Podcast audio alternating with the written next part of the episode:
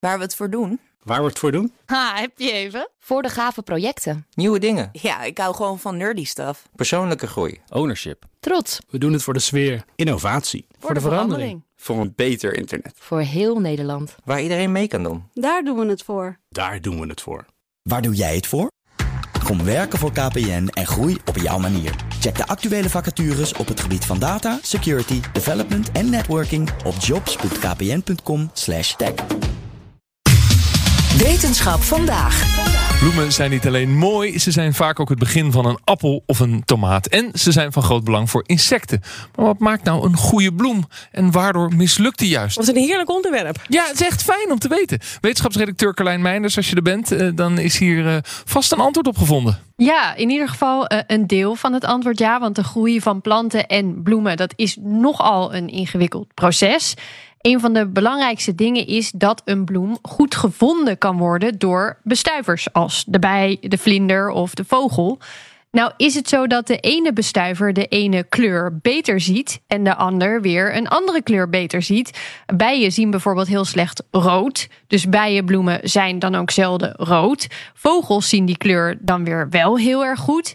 Onderzoeker Casper van der Kooi van de Rijksuniversiteit Groningen ontdekte eerder al eens dat bloemen, als de bestuiver in hun omgeving verandert, ook hun kleur kunnen aanpassen daaraan.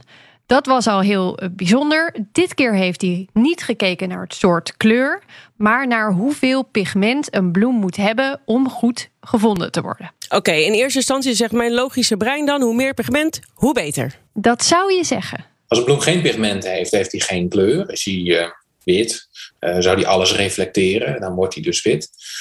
Uh, als hij een beetje pigment heeft, dan krijgt hij een, een vale kleur. Als hij iets meer heeft, heeft hij nog iets mooiere kleur. Maar als je heel veel pigment in een bloem stopt, dan verliest hij juist die kleur. Want dan wordt er zoveel licht door dat pigment geabsorbeerd, dat het eigenlijk een helemaal niet zo'n goede kleur wordt. Ja, minder is meer dus voor de bloem. Ja, niet te, niet te veel, maar ook uh, niet te weinig, want dan is hij dus heel vaal.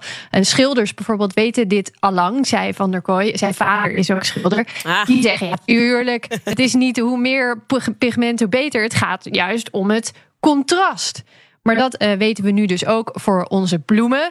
Uh, voor wie is dit nou belangrijke informatie? Voor telers, voor natuurbeschermers. Want je kunt hier rekening mee houden als je probeert soorten te behouden of juist te kweken. Uh, dan wil je dus die balans precies goed hebben. Nou heeft Van der Kooi nog ergens naar gekeken. Dat deed hij samen met promovendus Ties Ausma. Ausma vertelt wat ze hebben onderzocht. Wat het effect van nutriëntengebrek is op bloemeigenschappen.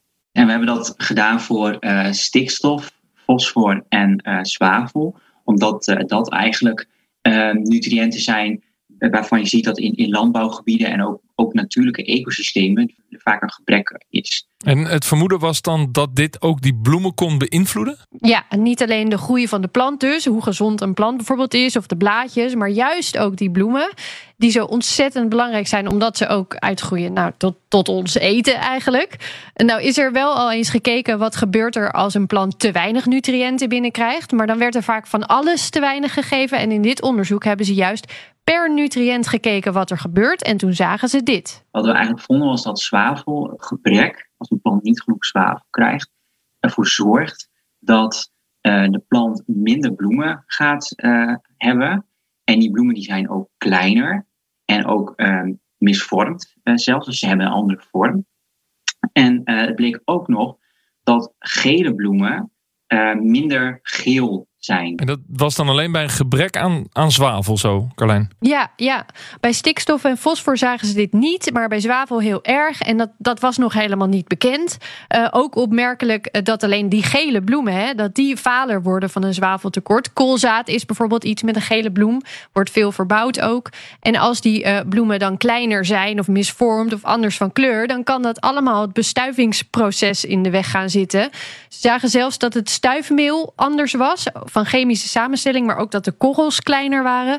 En ook dat is waarschijnlijk slecht nieuws voor de bestuivers. Is er iets aan te doen eigenlijk? Als je slecht Ja, nieuws brengt, dan wil je het oplossen. Het, het gekke is dat bloemen dit probleem helemaal niet hadden toen wij last hadden van zure regen. Oh. Toen was er eh, zat zwavel. Nou moeten we natuurlijk niet terug naar die Ik tijd. wil het zeggen, dat lijkt me deze- nou weer geen oplossing, eh Dat is het ook niet het advies van deze onderzoekers om dat te doen. Ehm, wat wel zo is, is dat er iets moet gebeuren in die gebieden waar dat tekort aan zwavel is. En dat kan bijvoorbeeld door bij te mesten. Maar dan moet je wel weer eerst heel goed gaan kijken hoeveel heeft welk ge- gewas nodig. En doe je dat, eh, hoe doe je dat veilig zonder dat het in het, drinkwa in het water terechtkomt, in de natuur terechtkomt. Maar je zou bijvoorbeeld ook planten kunnen kweken die minder zwavel nodig hebben. Ja, en zijn ze dat van plan? Gaan ze dat doen, dat kweken? De, de volgende stap in dit onderzoek is echt in dat mechanisme erachter duiken. Dus hoe zorgt dat zwaveltekort nou precies voor dat effect in die bloemen? Je kan ook gaan kijken hoe erg is het nou eigenlijk voor die insecten? Hoeveel last hebben ze ervan? Ja. Maar ook voor we die antwoorden weten, is dit al waardevolle informatie voor de natuurbeschermers en de telers die waken over ja, het voortbestaan Ja. van ons groente en fruit. Geweldig, dankjewel Carlijn. Ook Harm Edens vind je in de BNR-app. Je kunt BNR Duurzaam niet alleen live luisteren in de app, maar ook terugluisteren als podcast, zoals al onze podcasts. En naast dat de BNR-app Breaking News meldt, houden we je ook op de hoogte van het laatste zakelijke nieuws. Download nu de gratis BNR-app en blijf scherp.